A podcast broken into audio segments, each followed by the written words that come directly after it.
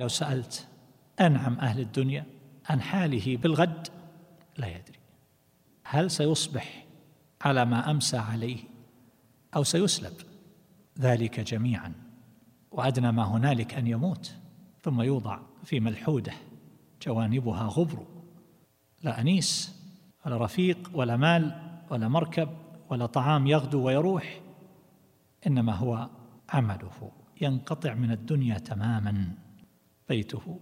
هذا اللحد ليس فيه شيء من الأثاث ولا الفرش ولا الوسائد ولا اللحف ولا غير ذلك. كذلك أيضا قابله نعم الآخرة متيقنة. فهذا كله وغيره يقتضي رجحان النعيم الأخروي. ولكن هذا لمن؟ والآخرة خير لمن اتقى ليست لكل أحد. وإنما لمن اتقى اتقى الله بظاهره وباطنه وكان على حال من الاستقامة والطاعة والعمل الصالح والإيمان والإخبات الخوف من الله ومراقبته بحيث يحصل هذا النعيم.